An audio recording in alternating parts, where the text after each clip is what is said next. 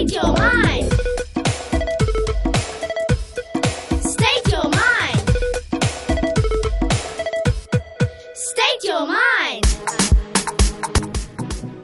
Lotshani lotshani bangani bami. Ngiyanamukela ngaphansi kwehlelo lethu lezefundo. Ihlelo zikhulumele emhatshweni ikwekwezi fm kukhanya bam. Nilotshiswa ngusimphiwe ndalo simplicity. Um ngalesi sikhathi-ke sizokwamukela-ke ihlelo lethu esililethelwa ngebakwa-unicef um nebakwa-european union umnyango wezefundo osisekelo kanye ne-national education collaboration trust. Ihlelo li-ke silethelwa-ke ngibo-ke labo kanye singakhohlwa-ke nemfisela bohle ze-sabc radio education. Nomvezi wethu ulondiwe ngokwamasilela-ke um nguye-ke osiveza-ko um namhlanje ehlelweni lethu eh sizokwamukela umem nomakhuwa simelani bangani bami. Ekunguye-ke ozosifundela indatshana yethu yanamhlanje. Ngiza kuba ukuthi-ke bangani bami nimlalelisise bese-ke kuza kuthi ngemva kokuthi acede eh, ukukhuluma eh, bese-ke abangani bazangena-ke lapha-ke kuwhatsapp yethu ethi 079 413 2172 naku-086 300 um 3276 kulapho sitholakala khona bangani bami. Ngiba ukuthi okwanje sithule sithi du silalele umem nomakhowa simelane-ke njengoba simamukela emoyeni ngalesi sikhathi lotshani ibizo lami ngingunomakhuwa simelani titshere ofundisa emathula primary school elimpopo. Siyanamukela esiceshaneni sethu sanamhlanjesi esisilethelwa i-european union i-unicef umnyango wezefundo osisekelo i-national education collaboration trust ngokuhlanganyela nekwekwezi fm esiceshaneni sethu sanamhlanjesi sizokucocisana neenkutana zokufunda bonyana sibasiza njani abantwana abasemazingeni aphasi ukufunda. Sicale nencwadi yethu enezehlakalo eziliqiniso. Ukusisiza sizwisise lokhu sizokuqala incwadi yesihloko esithi umphumela we-covid-19 etlolwe ngunotozi mgobhozi yachugululelwa esindebeleni ngumncedi ndu. Sikhambisana notitshere untokozo mahlangu ofundisa embokodweni combined school. Sizokufunda besixoxisane ngendatshana yethu le.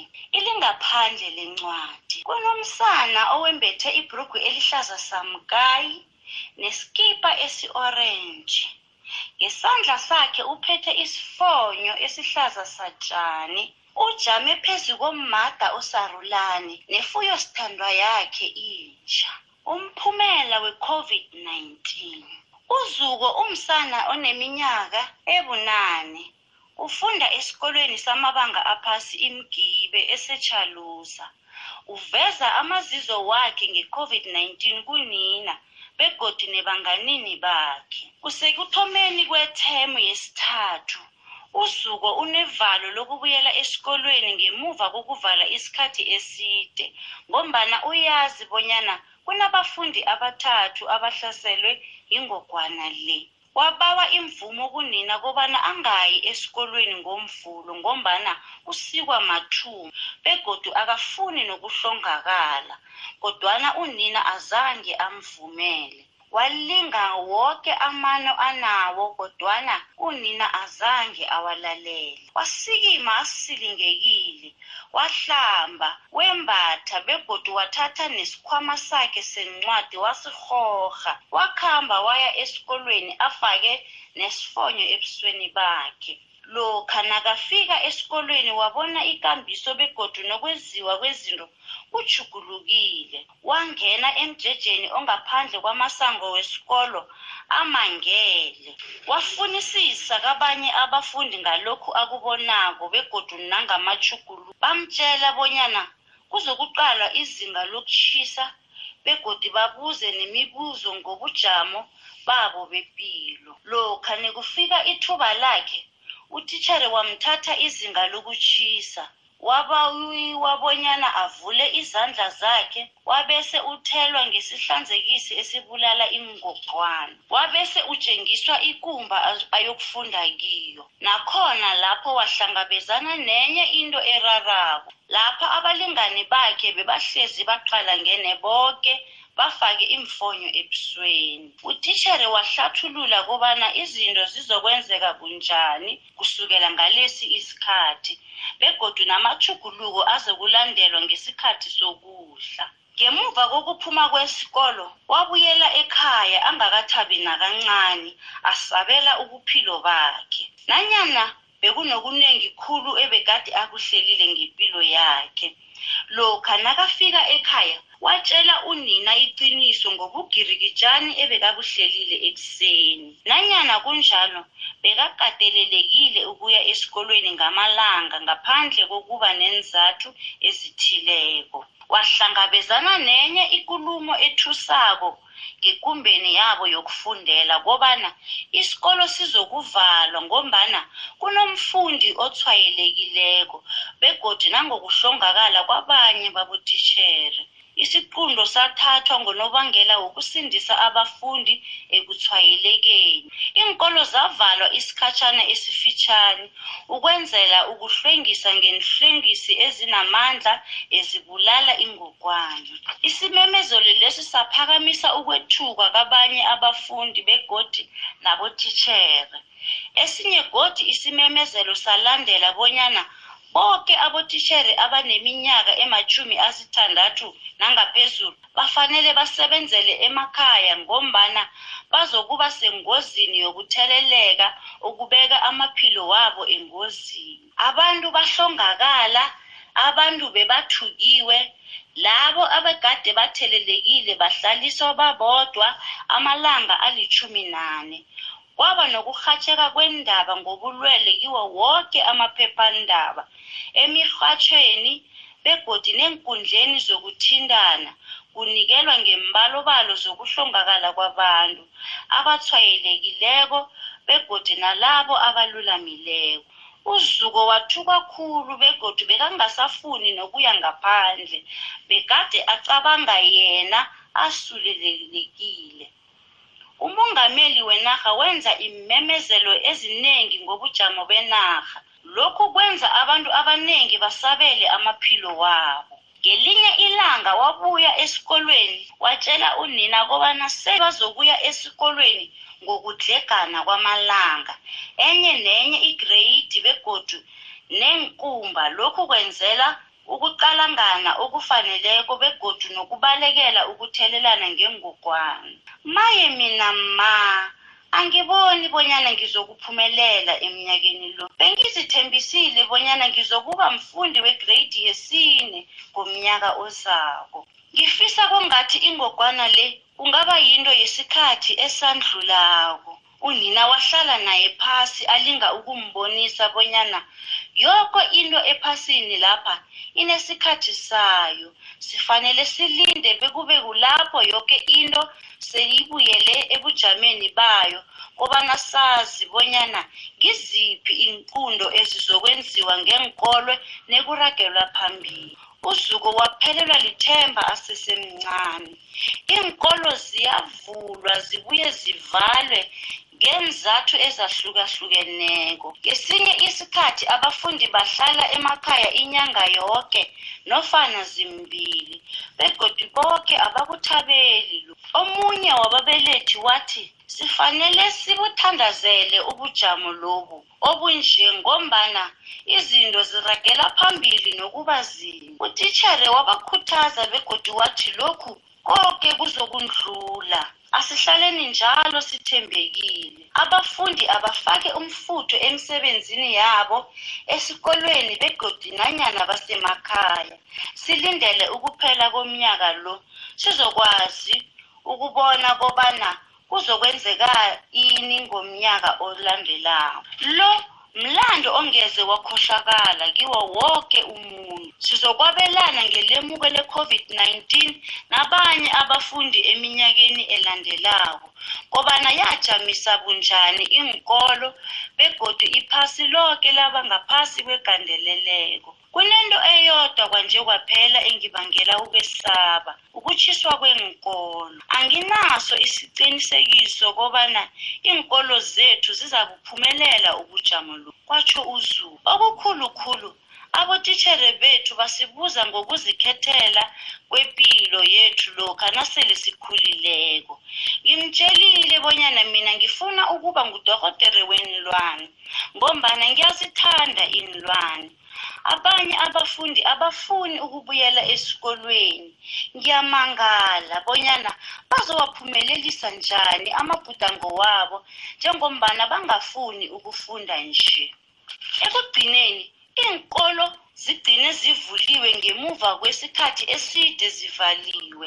Ababelethi babawiwa kobana beze emhlanganweni ukuzokucocisana ngendlela eya phambili. Uhlokokulu wesikolo wabelana nabo ngokuthi boke abotitshere nabafundi ebegade bathwayelekile sele balulamile ukwenzela bonyana ababelethi bangathwenyeki ngokuphepha kwabantwana babo.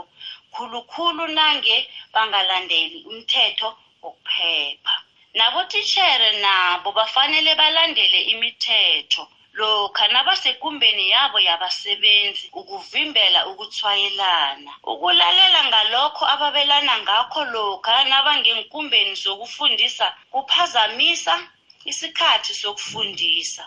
Bayabalabala ngomunye nomunye. Ngesikhathi ebegade afundisa ngaso isifundo sakhe umcebisi uyarhwelela. Umbuyiseni uyakhohlela ngaphandle kokubeka isandla sakhe phezu komlomo wakhe ngaphambi kobana ngiphendule unomonde warhwelela. Titshere usonwabile akakafaki isifonyo sakhe begodi uyathimula njalo njalo. Ngafanela ukulisa ukufundisa ngalungisa ubujamo. Ukuthwenyeka kukazuko ngesikolo kuyanda. Akakwazi ukulala ngonobangela wokuba namabhudango ngengogwana le. Nonina naye uthwenyekile ngokubona indodana yakhe itlhaga begodu isesaba. Uhlokokulu wesikolo walinga ngawo woke amandla ukwehlisa ukuthwenyeka okuhlangana kwabotitshere nabafundi. Uzuko wabawa unina kobana amsize ukutlola ikondlo ebeyisoloko isemkhumbulweni wakhe. Bathatha amalanga batlola ikondlo le bekwafika lapho bayiqeda khona. Wathatha ikondlo yakhe waya nayo esikolweni begodi wabawa utitshere wakhe kobana ayifundele abafundi sasifike emaphethelweni wendatshana yethu. Nokho kuyindatshana ebangamakluwo nevusela iinyalo ngengogwana i-covid-19 kodwana iyasikhuthaza ukungaliseleli amabhudango wethu nokungalahli ithemba. Nje-ke sikhathi semibuzo. Ulalele ikwekwezi fm emalahleni 91.8 fm ihlelo leli lihonazwe um yimbadelo encazana nje ukwenzela bona siragele phambili nokwenza inkathi ezimnandi nokudemba indatshana ngelimi lakho emhathweni wakho owuthandako. Tv licenses uh, bhadela yakho uyenza umehluko. Amazulu ne-kaizer chiefs zitholana phezulu godu. Zilwela ukudlula ethubeni lenaliti. Ziye kuma-finals we-mtn 8 sinye kwaphela isikhala esikhona isitshaba samakhosi sizibawela idumo eliza nebhigiri kwaphela. Ngakelinye ihlangothi umsebenzi wosuthu kurareja amakhosi. Bathabise abalandeli bekhaya ngokudlulela kumafayinali ukhona ozolahla thola usuthu libambene namakhosi emlenzeni wesibili we-mtn 8 semifinal. Ngosondo lo mhlaka-23 ku-oktoba bunqopha ngo-half past 3 ku-sabc 1 nakukwekwezi fm hashtag we love it ye ulethelwa yi-sabc sport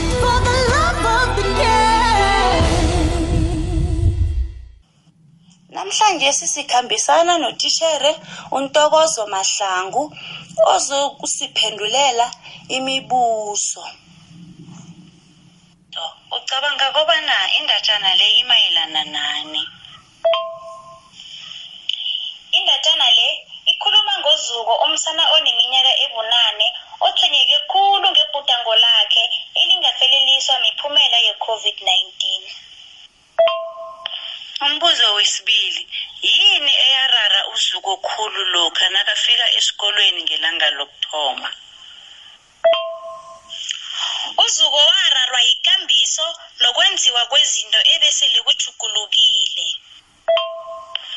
ngiyacabanga lokho kwamthusa khulu uzuko alo asiye embuzweni wesi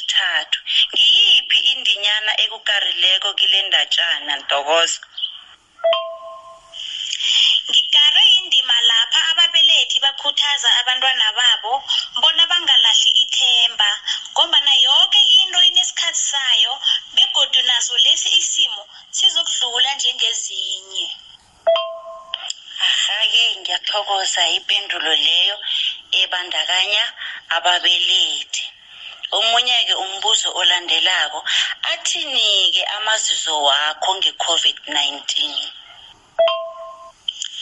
ngizizwa ngingakathabi ngemphumela ye-covid-19 ingogwana le yenze umonakalo omkhulukhulu enarheni yesewula afrika. Kuhlongakele abantu abaningi ngonobangela we-covid-19 abantu balahlekelwa misebenzi neenkolo zavalwa. Lokhu sikubonile endatshaneni bona ukuvala kweenkolo kubahlukumezile abafundi emkhumbulweni. Angikwazi ukuzizwa kuhle nge-covid-19 ngebanga lemphumela yayo.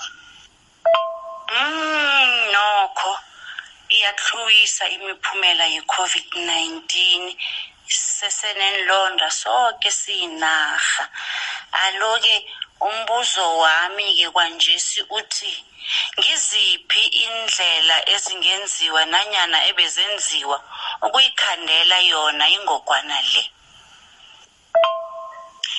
Indlela ebezisetshenziswa ukukhandela i-covid-19 bekukufakwa kwemfonyo ezivala umlomo kanye nepumulo kuhlanzekisa ngesihlanzekisi isanitizer kungalotshisani ngezandla kuhlala maqalanga kanye nokuhlala endaweni engena umoya. Mm, abantu balotshisana ngendololwana nanyana ngeenyawo. Bakhandeleka kobana bangasamamazani nanyana bangasangani. U isikhathi esibudisi kangaka. Sisihlukumezile nokho sibabantu khulukhulu nabentwana. Alo-ke umbuzo wami wokugcina uthi ungayifunda godu na indatshana lentokozo iye ngingayifunda godu indatshana le ngombana ikhuthaza abantu bona bangalahli ithemba lokha nabahlangabezana neentjhijilo ezithileko. Iyakarisa indlela ophendule ngayo imibuzo ntokozo. Ngithokoza khulu kwamambala. Nje-ke nawufunda incwadi nabentwana kuqakathekile ukubabuza imibuzo ngendlela ebesibuza ngayo imibuzo. Lokhu kubasiza ukuyelela bonyana bazwisisile na indatshana efundiweko begodu nabo babe nendima abayidlalako lokha nakufundwa indatshana kuyathokoza. Kuqakathekile bonyana abantwana bacabangani ngezinto ekufunde ngazo bebahalisele nabanye abafundi ngebakufundileko. Asibakhuthazeni abantwana ngaphambi kokuphendula imibuzo ngendatshana sibabuke sibathokoze ngokuphendula imibuzo. Lokhu kuzobenza bakwazi ukwabelana nabanye abafundi bebatsho namazizo wabo ngekufundiweko. Njengeenkutana zokufunda kuqakathekile ukusiza abantwana babe nethando lokufunda.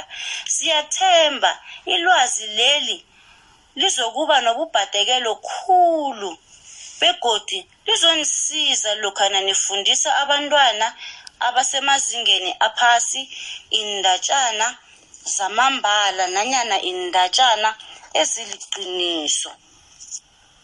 Kuyathokoza.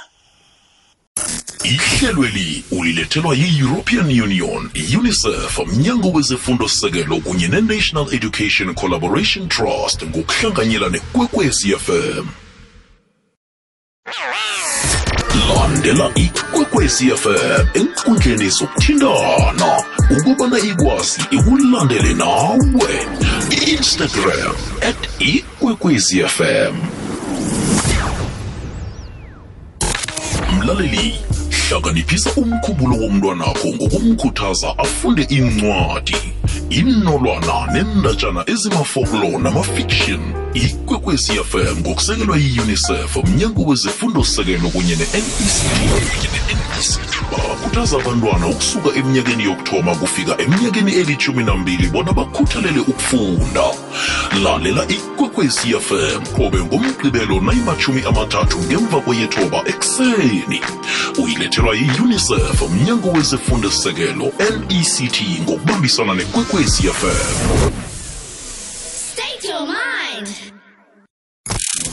mlaleli ikwekwezi fm yenza konke okusemandleni ukukwakha nesitshaba sonke ngokukulethela amahlelo afundisako. Konke lokhu kungaba bulula ngombono nomfakela ovela kuwe ukuthi ikwekwezi fm ingakusebenzela njani ngcono njengomlaleli wayo. Sitholela ngeposomoya ethi info at ikwekwecfm co za namkha enkundleni zethu zokuthintana zomrhatsho ikwekwecfm kukhanya ba siyathokoza sesinomakhuwa simelane okunguye-ke okade asifundela indatshana yethu yanamhlanje ehlelweni state your mind zikhulumele. Uh, uza kukhumbula-ke bona-ke ngo-10 o'clock zikhona indaba zephasi zizokufundwa nguthemba ngokwasindana. Bese-ke abekhona udj mpumi alandele nehlelo elimnandi elithi jika majika. Ngemva kokuthi udj mpumi sekaphumile-ke ukhona ulucat smanga um uza nehlelo elinyeleke le-sabc radio education ihlelo labantu abatsha lapho abantu abatsha bakhona ukuthi bakhulume khona bangene emoyeni bakhulume ngendaba ezithinda bona eh, ekukhuleni kwabo ihlelo elithi tin zone. Konke lokho uzokuthola ngaphakathi komhatho omkhulu kwekwezi fm kukhanya ba njenganje emoyeni samukela uh, lapha-ke umem nomakhuwa similane hi mem. Hello? Hello alright ngasuthi-ke asimtholi-ke umem nomakhuwa. Ngifuna ukuthi-ke simlingeke okwanje sibone ukuthi siyamthola-ke godu-ke emoyeni. Alright sisalelwe mzuzu emine kwaphela ngaphambi kokuthi silibeke phasi ihlelo lethu lanamhlanje kodwa ungathenyeki nakancane ngombana siyabuya iveke ezako ngesikhathi esifanako. Uh, ngilingileke nokho kokuthi simtholeke umem nomakhuwa. Uh, hello mem akwande. Kunjani? Khona simpi kunjani? Ngikhona ngibathe bathi ngiyakuzuma. Awa yazi walahleka. Hayi network ezikhambile. Ngindrinda konke nje ukuthi ngibambe. Ngithokozana se sithole ithuba lokuthi sikhulumisana nawe namhlanje. Sithokoze khulu-ke indatshana osifundele yona. Ngiba ukuthi siyibuyelele-ke siyibuyekeze sikhumbuzane ukuthi indatshana le itlolwe ngubani bekodwa ikhuluma ngani. Indatshana yethu yanamhlanje si- itlolwe ngunodozi mgobhozi. Yabe seyichugululela esindebeleni ngumncedi mduli mm. imayelana nemiphumela ye-covid-19